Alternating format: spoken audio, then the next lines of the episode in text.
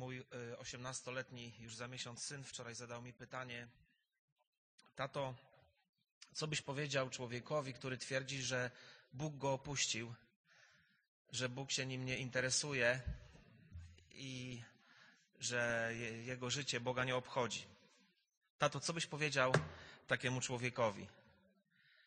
I to pytanie w, e, oczywiście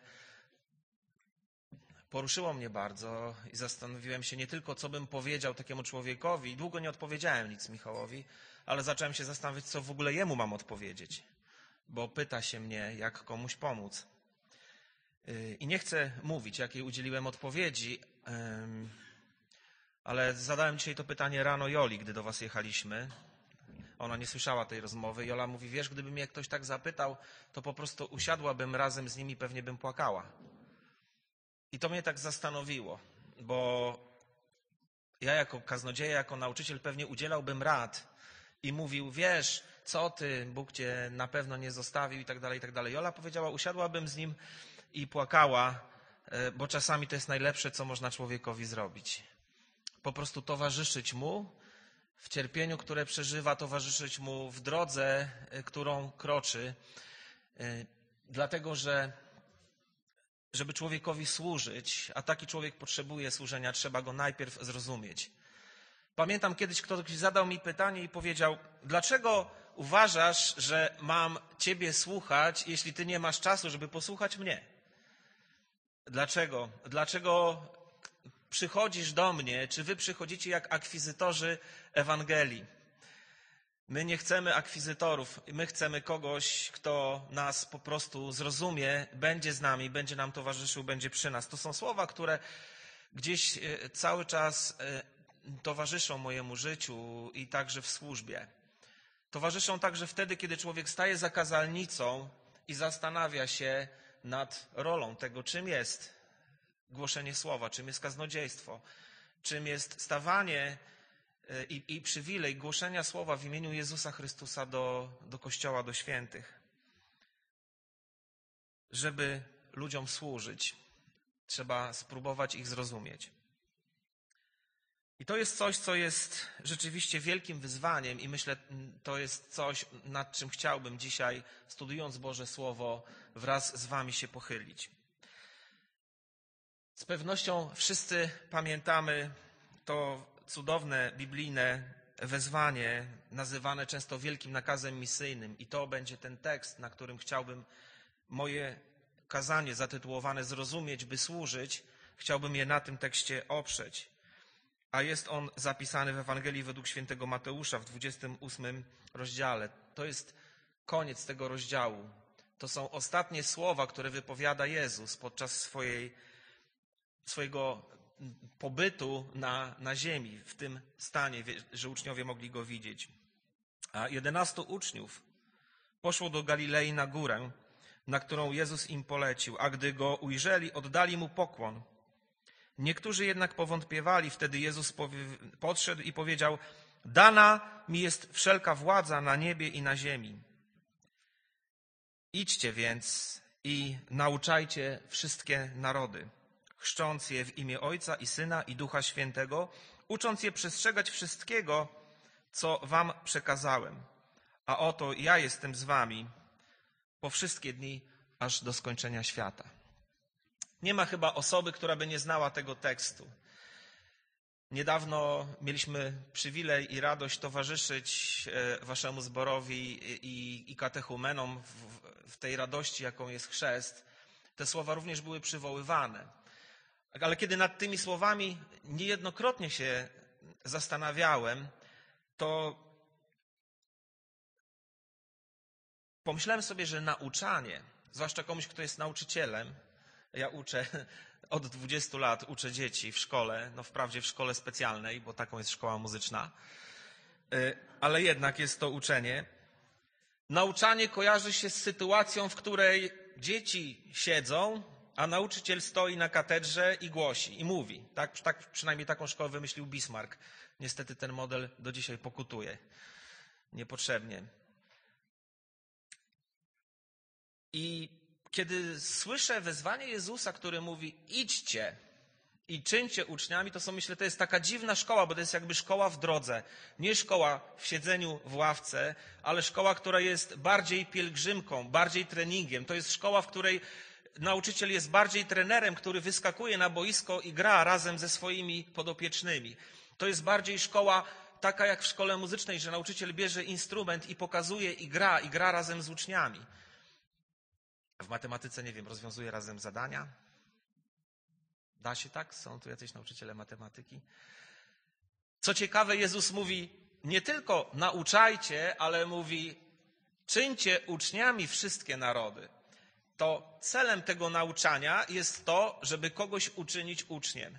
Uczynić uczniem to znaczy uczynić naśladowcą, uczynić kimś, kto nie tylko ma nabitą głowę wiedzą, ale uczynić uczniem to znaczy uczynić człowieka tym, który podąża za swoim mistrzem, bo w czasach Chrystusa bycie czyimś uczniem oznaczało bycie naśladowcą, oznaczało podążanie za nim. Nie oznaczało jeżdżenia na wykłady w piątki i soboty, tylko oznaczało naśladowanie. Gdyby wasz pastor, pastor Wojciech Gajewski, e, realizował ten model uczniostwa, może nie inaczej, nie tyle on, ale uniwersytety, to studenci musieliby się prawdopodobnie wprowadzić do, do Wojciecha i Alicji.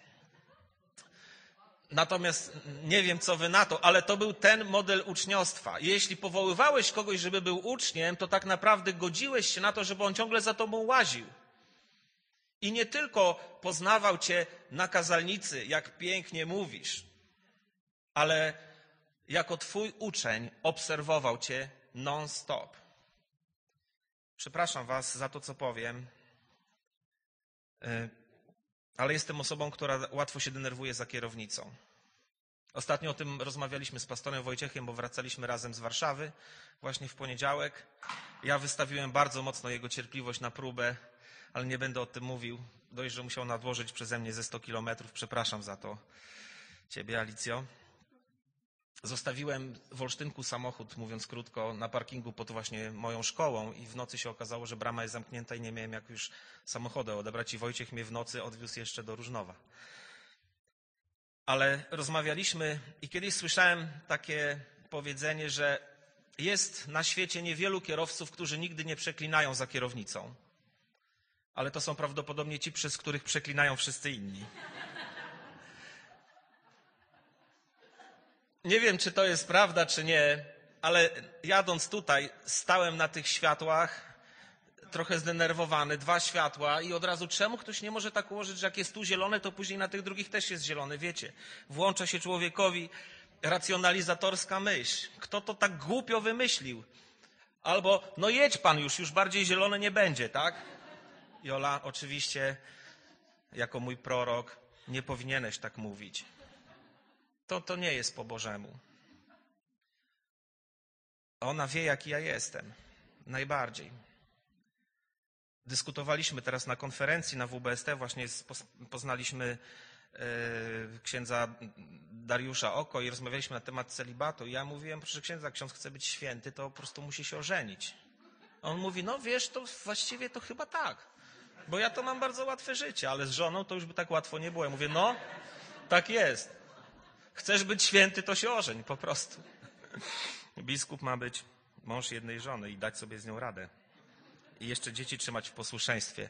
Dlatego tytuł konferencji Ratunku moje dziecko mnie nie słucha. Chcesz być biskupem, przyjedź na konferencję.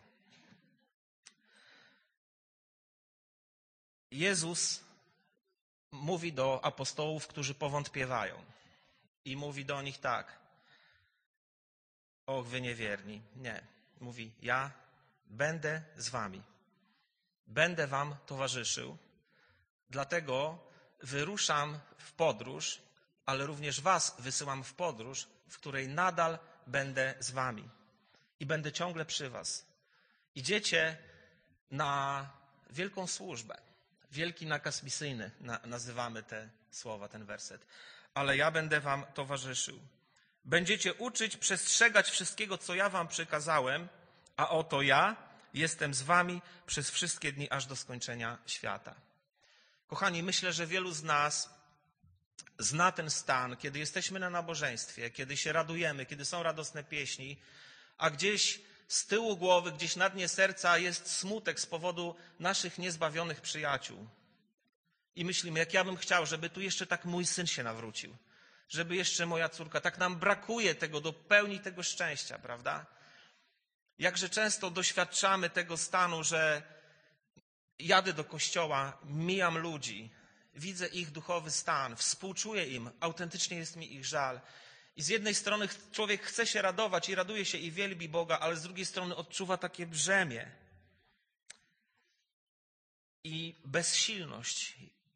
Boże, jak ja mam to zrobić? Olsztyn ma 200 tysięcy ludzi, a nas tu jest garsteczka. Jak mam to zrobić? Polska ma 37-38 milionów mieszkańców, a ewangelicznie wierzących chrześcijan jest tam zaledwie 20 tysięcy. I to jeszcze często skłóconych ze sobą, co jest bardzo smutne.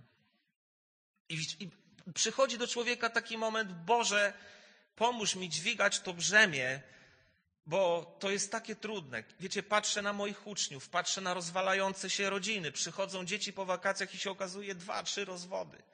Te dzieci cierpią, zmienia się ich zachowanie w szkole. Z dziecka, które gra, które wygrywa konkursy, nagle przestało się w ogóle interesować graniem. To jest dramat. I to są takie rzeczy, które człowieka przybijają. I wtedy sobie myślę, Boże, jak to zrobić? I wtedy przypomina mi się to słowo: Ja jestem z wami po wszystkie dni, aż do skończenia świata.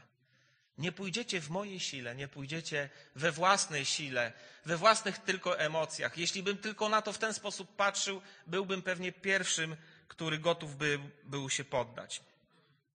Nauczanie, czynienie uczniami.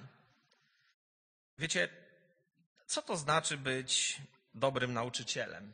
Co to znaczy czynić uczniami? Co to znaczy dla Chrystusa? Co to znaczy dla apostołów? Co znaczyło dla nich i co powinno znaczyć dzisiaj?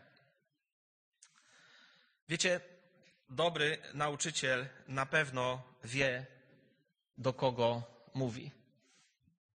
Dobry nauczyciel na pewno rozumie rozumieć, by służyć. Kiedy Pan Jezus mówił swoje słowo posłania do apostołów i kiedy mówił im, idźcie i czyńcie uczniami wszystkie narody w, na początku dziejów apostolskich, że począwszy od Jerozolimy, przez Samarię i aż po krańce ziemi, wiemy z historii Kościoła, że te, ta, ta Judea to tak, no Samaria trochę, ale te krańce ziemi to tak dość opornie im szły. Mieli poważny problem, żeby, żeby zrozumieć tak naprawdę, że to posłanie to jest coś, co sprawi, że oni będą musieli zupełnie przebudować i zmienić swoje życie. Jesteśmy powołani przez Pana, aby czynić ludzi uczniami. Czy wiecie, że udowodniono ponad wszelką wątpliwość, że uczniowie, którzy nie lubią swojego nauczyciela, prawie nic od niego nie przyjmują? Jeden z kluczowych czynników w dydaktyce dobrego uczenia się to jest stosunek, jaki dzieci mają do nauczyciela. Kiedy zapytałem kiedyś moich pedagogów w szkole muzycznej, robiliśmy takie badania i poprosiłem ich, a to jest naprawdę spora grupa, prawie setka osób, czy mógłbyś przywołać z dzieciństwa wspomnienia najlepszego i najgorszego nauczyciela? to wiecie, co mówili nauczyciele? Jaki to był ten najlepszy? To wcale nie był ten, co miał naj, najlepszy dyplom, to ten, ten, co najlepiej grał, co był wirtuozem, ale ten, co był miły. Że się nie bali chodzić na lekcje, że był przyjazny. To zapamiętaliśmy jako dorośli. I gdybym dzisiaj Was poprosił, sięgnijcie w pamięć, jakich nauczycieli najlepiej wspominacie, a jakich, jakich nie. To prawdopodobnie na 99%, szczególnie mówię o szkole podstawowej, bo później jak człowiek dorasta, to, to te parametry się trochę zmieniają. Bardziej się już liczy kompetencja, wiedza, ale na początku drogi liczy się po prostu miłość. Po prostu poczucie, że ja jestem dla tego człowieka ważny. Wiecie, kiedy ludzie podążali za Chrystusem, bo nauczał ich jako moc mająca, nie uczeni w piśmie. My, szczególnie charyzmatycy, zwykliśmy odczytywać ten fragment, że to chodziło o charyzmaty, o uzdrowienia, o wskrzeszenia zmartwych. Tymczasem, nie wchodząc w szczegóły, gdybyśmy wgryźli się w ten tekst, okazuje się, że Moc Jezusa i przemawianie z autorytetem polegało między, inna, między innymi na tym, że ludzie bardzo silnie odczuwali to, że w odróżnieniu od uczonych w piśmie i faryzeuszy, Jezus naprawdę się o tych ludzi troszczy. To było widać w sposobie, w jaki mówi. Ludzie to odczuwali.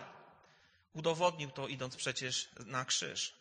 Tydzień temu pastor Wojciech mówił w kazaniu między innymi tę myśl, że czasami debatując, ogłaszając ludziom prawdy, zapominamy i czasami zapędzamy się, bo bardziej nam zależy, żeby udowodnić naszą prawdę, niż żeby dostrzec adresata, do którego się zwracamy, żeby, żeby do niego dotrzeć. Dobry nauczyciel wie, do kogo mówi.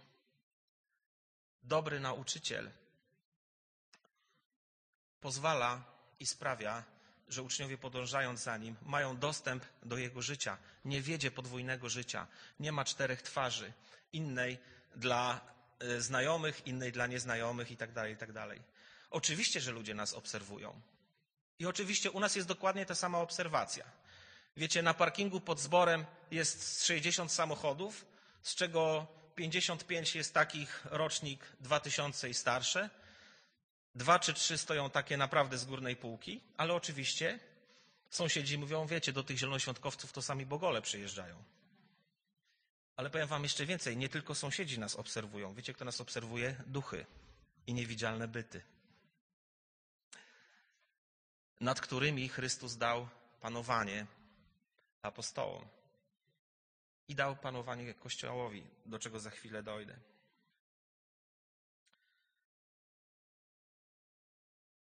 Możesz zatem powiedzieć, no dobrze, to jest wszystko ładnie, to jest wszystko pięknie, co dzisiaj słyszymy, e, ale mi jest po prostu trudno. Przytłacza mnie ta myśl. Dobrze jest tutaj być, wspaniale jest być wśród wierzących ludzi, mamy z tego poza duchowymi korzyściami wiele korzyści tych tak zwanych psychologicznych, bo czujemy się zaopiekowani, szczególnie w takim zborze. My też zawsze, jak tu przyjeżdżamy, czujemy się wręcz już tacy zaadoptowani przez was. Nie jakobyśmy nie mieli rodziny, no ale, ale wy jesteście tacy adopcyjni mocno. To jest bardzo piękne.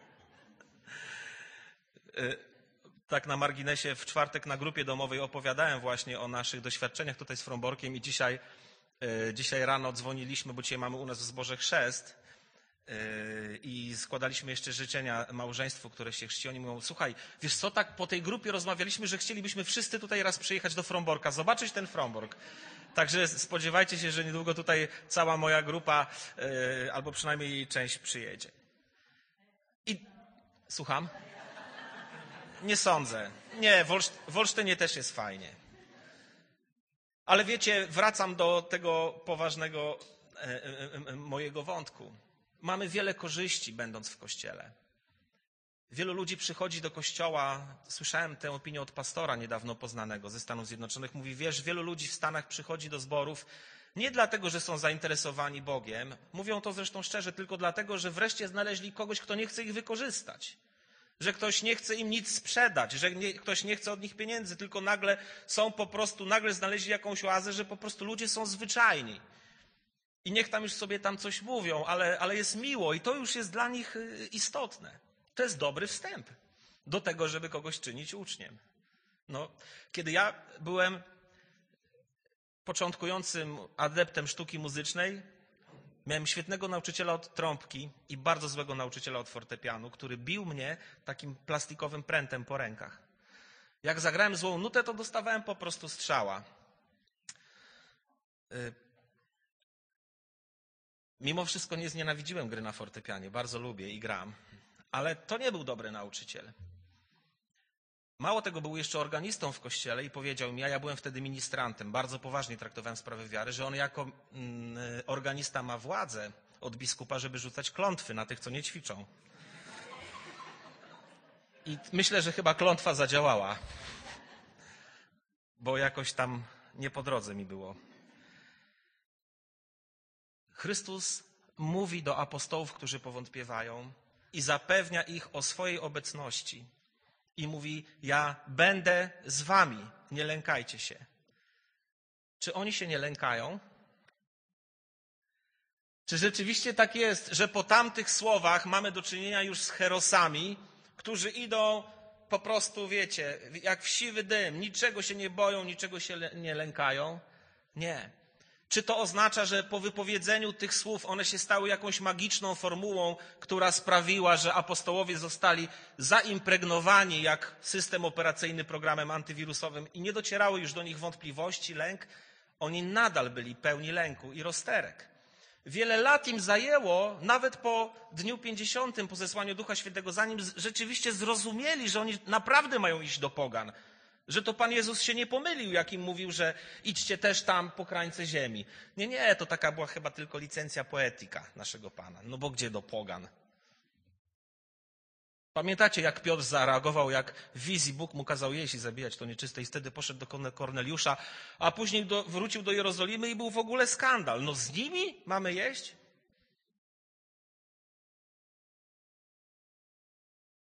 Oto opis bohaterów. Znamy ten fragment, kiedy zaczynają się dziać w kościele prześladowania to co robi Kościół? Pada przed Bogiem na kolana i mówi: Panie, czemu ludzie tacy są? Zgromadzają się przeciwko Twojemu synowi. Herod i Poncjusz Piłat, ci, którzy się nie znosili, nagle się zjednoczyli.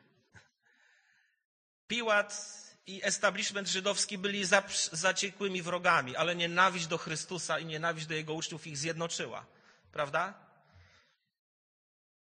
Przepraszam, że nie będę tego mówił. Chciałem, chciałem coś powiedzieć o powodach zjednoczenia opozycji w Polsce. Może nie. A teraz, Panie, spójrz, że nam grożą.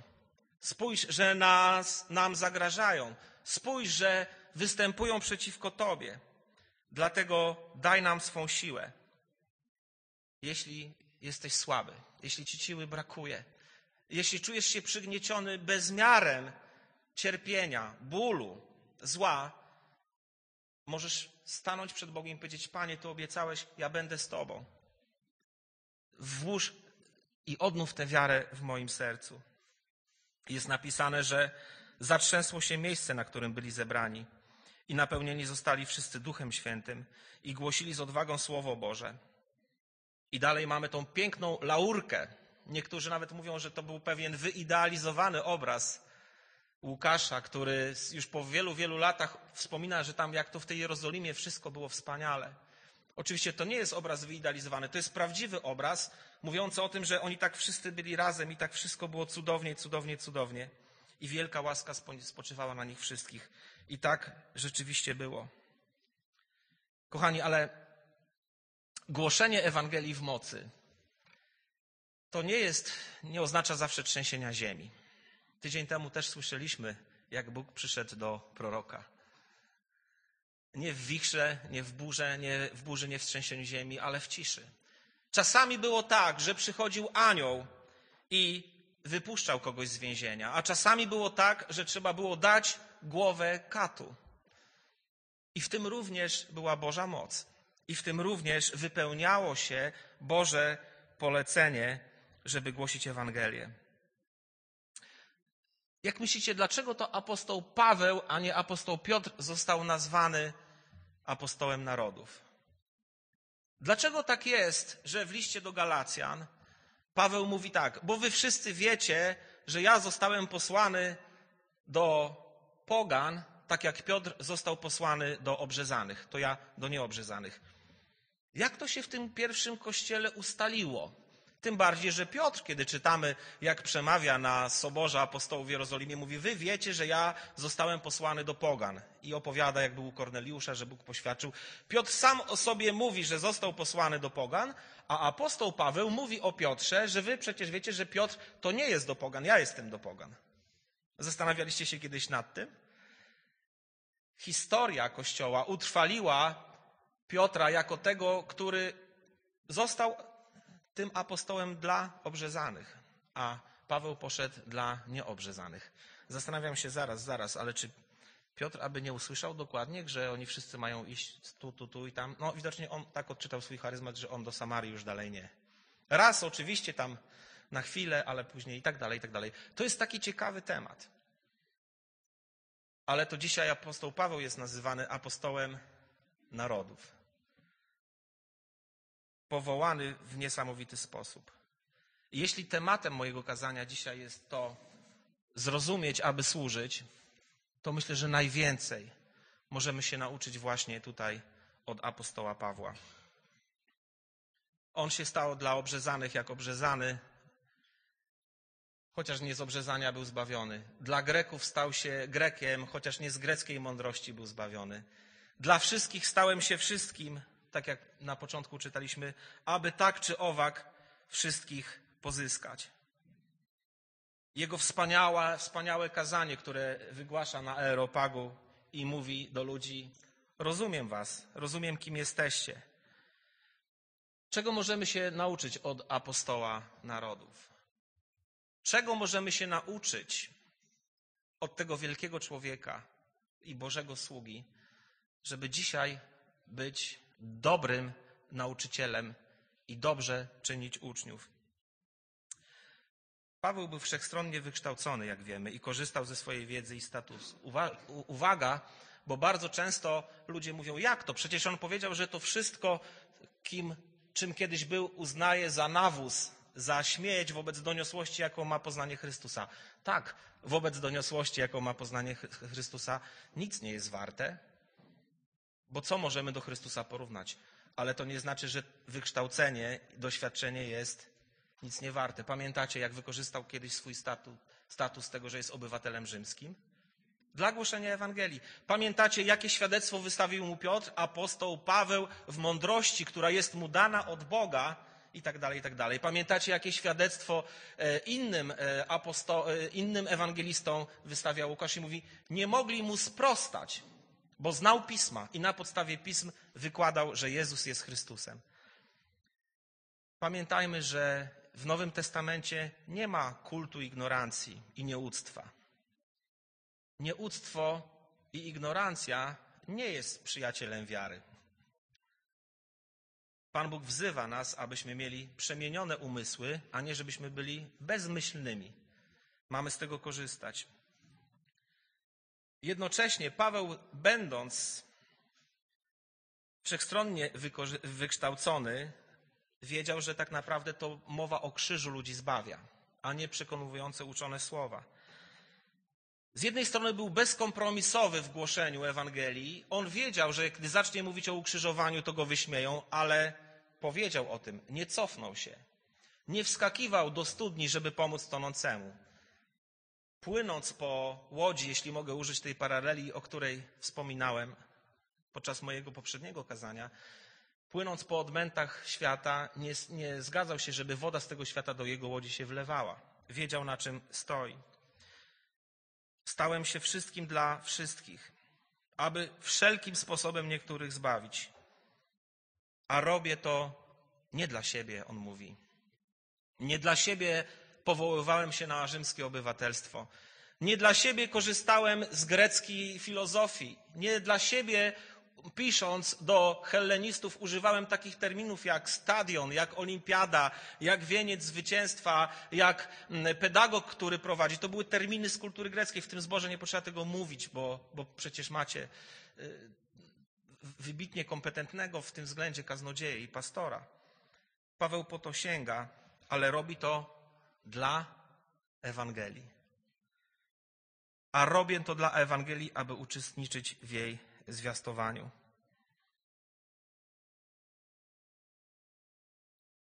Czego możemy się nauczyć od apostoła narodów?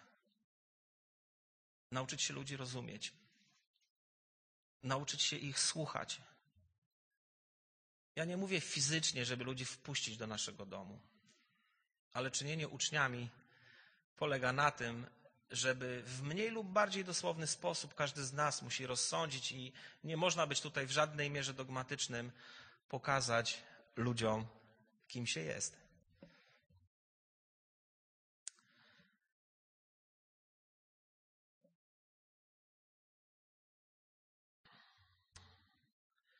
Dlaczego ludzie słyszeli i rozumieli Pawła? On to wszystko robił nie po to, żeby popisywać się przed ludźmi swoją wiedzą i elokwencją, ale tak bardzo mu zależało. Mówi nawet, że ja jestem gotów sam być odłączony, aby tylko mój naród był zbawiony. Ten najwyższy rodzaj miłości, najwyższy rodzaj determinacji. Potrzeba mądrości, potrzeba namysłu, potrzeba takiego zdroworozsądkowego zastanowienia, zastanowienia się, w jaki sposób ja Tobie, człowieku, mogę pomóc. Czasami chcąc komuś pomóc, można go skrzywdzić. Wiecie, jako yy, młody chłopak w podstawówce miałem operację na wyrostek. Miałem bardzo fajnych kolegów z klasy, bo oczywiście dzień po operacji przyszli mnie odwiedzić do szpitala w sierpcu. I tak mnie rozśmieszali, że popękały mi szwy. I do dzisiaj mam taką, wiecie, bliznę na pół brzucha, przepraszam, ale to jest pamiątka po tym, że miałem fajnych kolegów. Lekarze zabronili, powiedzieli, do tego chłopca dzieci mają nie przychodzić, bo za wesoła kompania z tej podstawówki jest. Ale byłem im za to wdzięczny. Ale wiecie, czasami można komuś w nierozsądny sposób pomóc. Kiedyś trafiłem do szpitala z tak zwanym kamieniem na nerce i ktoś chcąc mi pomóc chciał mi dać wodę do picia. Wiecie, mało przez to nie umarłem. Trzeba uważać, trzeba wiedzieć, co się robi. Żeby komuś skutecznie pomóc, trzeba włożyć wysiłek. Ale wkładając wysiłek, musimy pamiętać, że choćbyśmy nie wiem, ile wkładali wysiłku, to najważniejsze jest to, że Chrystus jest w tym procesie z nami. Po wszystkie dni, aż do skończenia świata nam towarzyszy. Wiecie, na swojej drodze spotkamy różnych ludzi. Rozmaitych ludzi. Starych, młodych, tych w drogich samochodach i tych bez samochodów. Polityków, nie wiem, kto z Was ma na, na, na co dzień styczność z politykami. Ja mam dość często. Ludzie, którzy bardzo potrzebują Chrystusa.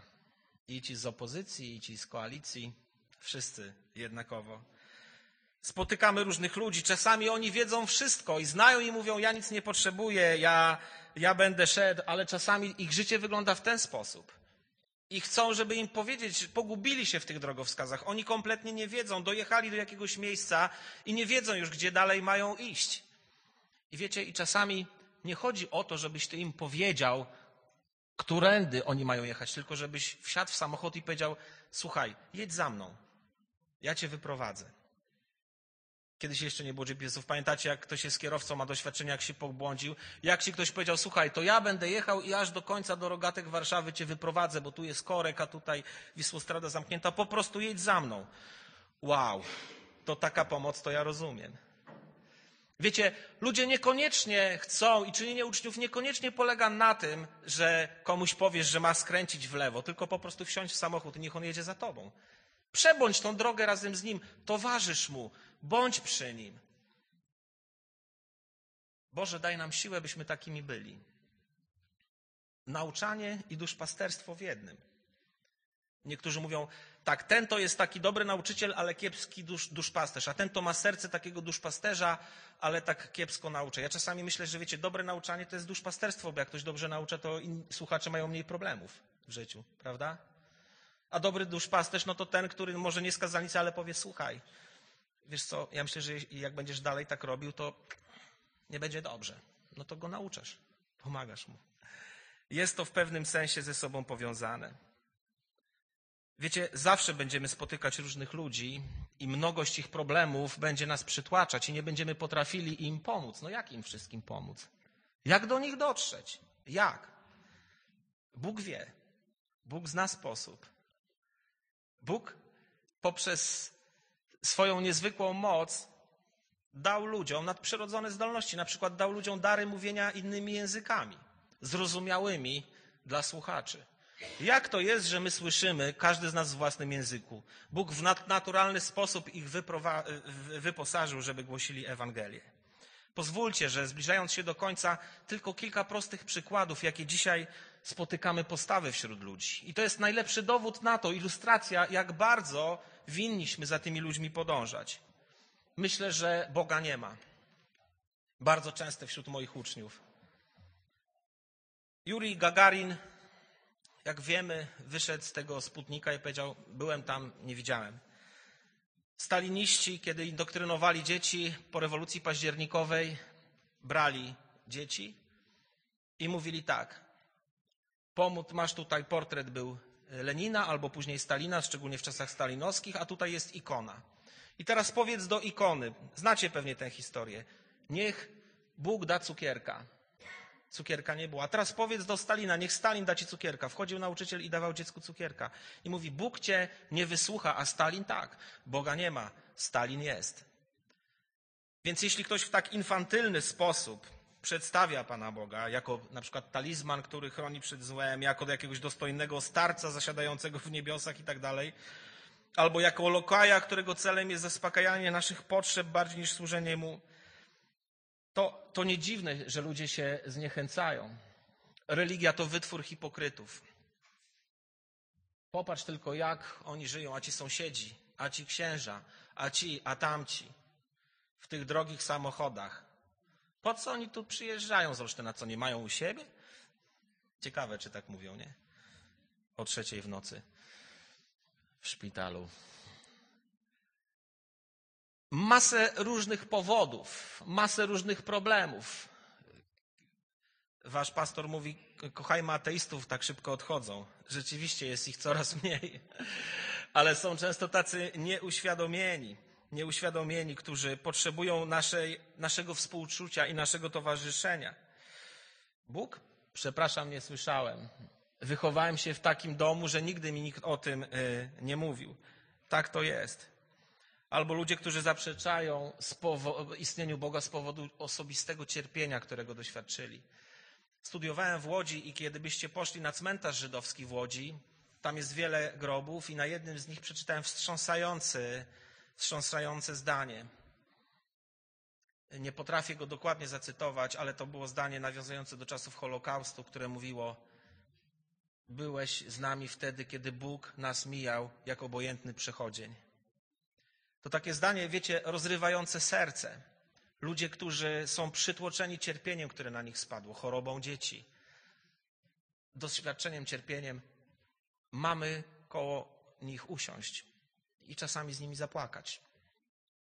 Po prostu powiedzieć, wiesz, e, nie mam dla ciebie odpowiedzi, ale może chociaż jakąś próbą odpowiedzi będzie to, że jestem przy tobie. Zrobię ci herbaty i posiedzę z tobą. Może chociaż w ten sposób sobą spróbuję ci powiedzieć, że jednak Bóg jest i że cię kocha i chce ci w życiu towarzyszyć. Znany bardzo cytat autora Małego Księcia Antuana Saint-Exupéry'ego, który powiedział, jak chcesz zbudować statek, nie zwołuj ludzi, aby ci przynieśli drzewo, przygotowali narzędzia, nie przydzielaj zadań i pracy, lecz jeśli chcesz zbudować statek, lecz, przepraszam, wzbudź w nich tęsknotę za dalekim, bezkresnym morzem. To jest piękne, to jest coś, co może być inspirujące dla nas. Jakimi mamy być nauczycielami, jakimi mamy być towarzyszami, jakimi mamy być tymi, którzy słuchają.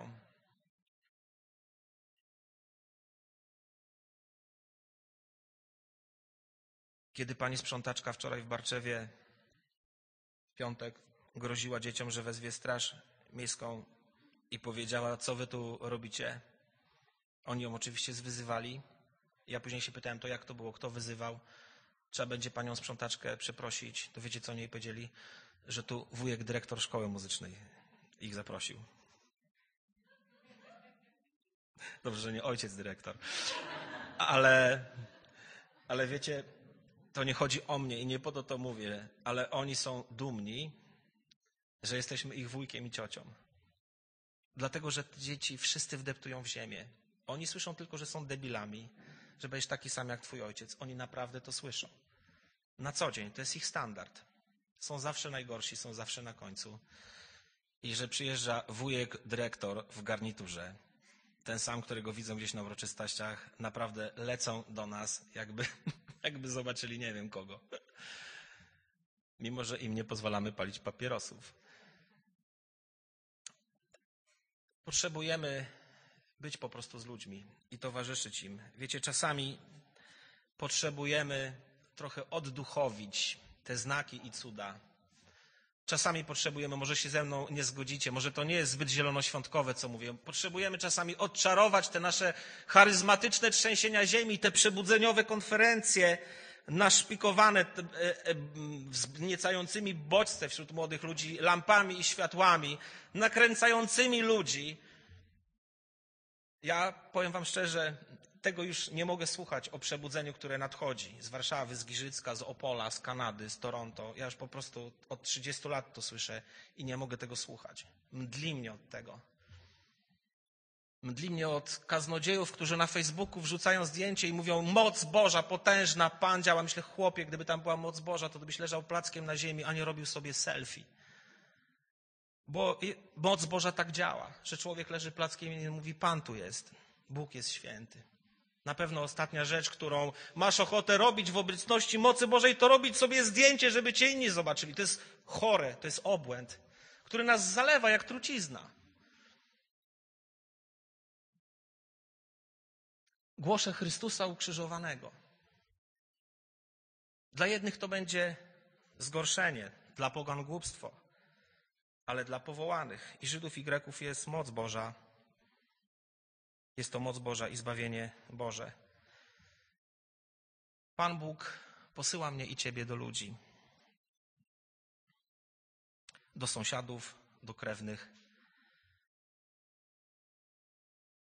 do ludzi, których spotkasz w szpitalnej izbie, albo po prostu za progiem swojego domu, za progiem tego kościoła. Dla jednych to będą takie pogubione dzieciaki, dla innych to będzie jakaś nienawidząca się rodzina dla kogoś to będą pracownicy albo pracodawcy. Wiecie, Bóg nas posyła. Ale najcudowniejsze jest to, że On mówi: Ja wiem, że się boicie. Ja wiem, że nie macie ochoty wcale iść po krańce ziemi, że w Judei jest bezpiecznie, bo tu wszystkich znacie, tu jest fajnie. Ale ufajcie, ja zwyciężyłem świat. Ja będę wam towarzyszył. Jeśli odczuwasz, że brakuje ci Jezusa w życiu, zacznij głosić ludziom Ewangelię, zobaczysz, jak on mocno wtedy będzie przy tobie. Za chwilę będziemy przystępowali do stołu pańskiego i nazywamy to widzialnym słowem, znakiem Bożej obecności. Jezus nas zapewnia i mówi: Ja będę. I mówi także, gdy głosisz Ewangelię, ja jestem z Tobą. Wujku, mi się czasami wydaje, że Bóg mnie opuścił. Zacznij głosić Ewangelię, zobaczysz, jak bardzo poczujesz Jego obecność, jak będzie blisko stał przy Tobie. Nie wiesz jak, brak Ci siły, jesteś zniechęcony, przybity, czasem przygnębiony. Nie szukaj nowej franczyzy na ewangelizację. Nie słuchaj kolejnego pomysłu na Kościół. Może jak go nazwiemy po angielsku, to zadziała. Po prostu szukaj Chrystusa. On powiedział: Ja będę z wami tak długo, dopóki nie skończy się świat. Wiecie, co jest cudowne? Że za chwilę to nabożeństwo dobiegnie końca. Wsiądziemy do tych naszych luksusowych samochodów, rozjedziemy się po naszych wioskach i miastach i możesz być tego pewnym jeszcze bardziej niż to, że jesteśmy tu w dachu, pod dachem tej kaplicy, że Chrystus autentycznie będzie z Tobą. I jest z Tobą. I to jest tak i amen. To jest pewne. Chrystus, który daje Ci moc nad siłami ciemności. Gdy posłał apostołów, szósty rozdział Ewangelii Marka i mówi, no to teraz chłopaki idziecie sami. Ja mam chill out. Wy idziecie po dwójkę, dobra? Idźcie i działajcie. Myślę sobie, zaraz, no to nauczyciel przecież mieli za nim łazić, a on nagle powiedział, to teraz idźcie sami, spróbujcie. Wiecie, myślę, że to był trening. Idźcie sobie teraz poradzić beze mnie. Ale przecież oni byli, czy oni swoją mocą wyganiali demony i uzdrawiali chorych? Czy Jezusa z nimi nie było, chociaż fizycznie nie było to, czy rzeczywiście nie było go z nimi? Myślicie, że oni później sobie nie wspominali, a pamiętacie, jak kiedyś on nas wysłał i wtedy poszliśmy po dwóch i chociaż go z nami nie było, to jednak z nami był, bo przecież posługiwaliśmy w mocy. Dzisiaj też go już fizycznie z nami nie ma. Widzieliśmy, jak został wzięty do nieba, ale nadal z nami jest. Ta sama moc, którą wtedy nam dał i na nas tchnął, nam towarzyszy. Dlatego chodźmy do tych ludzi. Nie czekajmy, chodźmy do nich. Oni nas potrzebują, oni płaczą, oni są powiązani, związani smutkiem, nienawiścią, depresją. A my mamy moc i władzę w imieniu Jezusa Chrystusa, w Nim, żeby tych ludzi uwolnić, żeby przynieść im nadzieję. Być tą solą, która powstrzyma to zniszczenie i rozkład, który obserwujemy na naszych oczach. Jezus jest z Tobą po wszystkie dni, aż do skończenia świata. Wiem, że w to wierzycie. Mi jest czasami trudno w to wierzyć. Muszę prosić Boga, żeby dodał mi wiary, że rzeczywiście jest ze mną, gdy będę szedł i głosił ludziom Ewangelię. Chciałbym Was zachęcić, abyśmy wspólnie teraz pomodlili się do Boga. Raz jeszcze o miłość do ludzi. Powstańmy. Chciałbym Was poprosić, żebyśmy zawołali raz jeszcze do Boga o to, by dał nam siłę towarzyszyć ludziom, by dał nam siłę nie tylko dawać im rady, ale wsiąść do samochodu i popilotować ich przez skomplikowane skrzyżowania autostrady ich życia. Pomódlmy się, bo On nas słyszy. On mówi, proście, a będzie wam dane. On, zróbmy to, co zrobili kiedyś apostołowie. Panie, zobacz, co się dzieje. Daj nam moc, napełnij nas na nowo. To jest dla nas dostępne. Niech Bóg nas napełni, niech uczyni nas swoimi świadkami. Żeby Ewangelia była głoszona. Nie, żeby nasze zbory się powiększały. To nie o to chodzi. Nie chodzi o to, żeby kaznodzieje i pastorzy budowali sobie pomniki i chwalili się, kogo jest więcej. Ale dla Ewangelii, dla Bożej chwały, dla Jego imienia czyńmy to. Bóg się przyzna, Bóg Cię wesprze. Ufaj Mu, nie lękaj się. Panie, prosimy Cię z całego serca o to, abyś dzisiaj na nowo użył każdego z nas w naszych domach, pracach, szkołach, rodzinach, na ulicy, w miejscach, w których żyjemy, Panie, abyś pomógł każdemu z nas czasami usiąść z człowiekiem i po prostu z nim płakać. Panie, proszę Cię, żebyś pomógł mi dzisiaj nie pouczać, a kiedy trzeba mówić prawdę. Panie, pomóż mi nie milczeć, gdy trzeba gromić i walczyć, Panie. O Panie nasz, proszę Cię, wypełnij nas swoim świętym duchem. O Panie, bez względu na to, czy przyjdzie widzieć anioła, jak wypuszcza nas z więzienia, czy przyjdzie położyć głowę pod katowski topór, Panie, daj nam siłę, umocnij nas. Prosimy Cię o ten nasz kochany polski naród. Prosimy Cię o polskie rodziny i dzieci, i niepolskie też. Prosimy Cię, Panie Boże, bo Ty jesteś tym, który zmienia życie człowieka. Ty jesteś ten, który, przez którego słowo świat został zmieniony, Europa została potrząśnięta. Ty wstrząsałeś narodami, całymi generacjami. Panie, Ty masz moc. Chcemy tego wyglądać, chcemy tego oczekiwać, ufając, że co Ty postanowiłeś, tak się stanie. Pomóż nam, Panie, być częścią tego dzieła. Panie, modlimy się za apostołem Pawłem, a czynię to dla Ewangelii, by być, by móc uczestniczyć w jej zwiastowaniu. Panie, chcemy uczestniczyć w jej zwiastowaniu. Panie, powierzamy Ci wszystkich ludzi, których zbawienia tak bardzo wyczekujemy. Powierzamy Ci tych, których tak bardzo chcielibyśmy tutaj widzieć. Widzieć, jak wchodzą do wody chrztu, widzieć, jak wyciągają rękę po kielich, po chleb. Powierzamy Ci ich. Powierzamy i, i nas, Panie. Pomóż nam, umacniaj i wspieraj. Panie, a ponad wszystkie nasze prośby, ponad wszystkie troski, ponad wszystkie rozterki i wątpliwości i ponad wszystkie znaki zapytania, Panie, chcemy wyznać, że jesteś wspaniałym, świętym, potężnym Bogiem. Dziękujemy Ci, Panie, że Twoja władza jest wieczna, z pokolenia w pokolenie, a Twoje zamysły, Panie, są niepodważalne i ostateczne. Niechaj będzie Ci chwała w imieniu Jezusa Chrystusa, Wszechmogący Boże. Amen.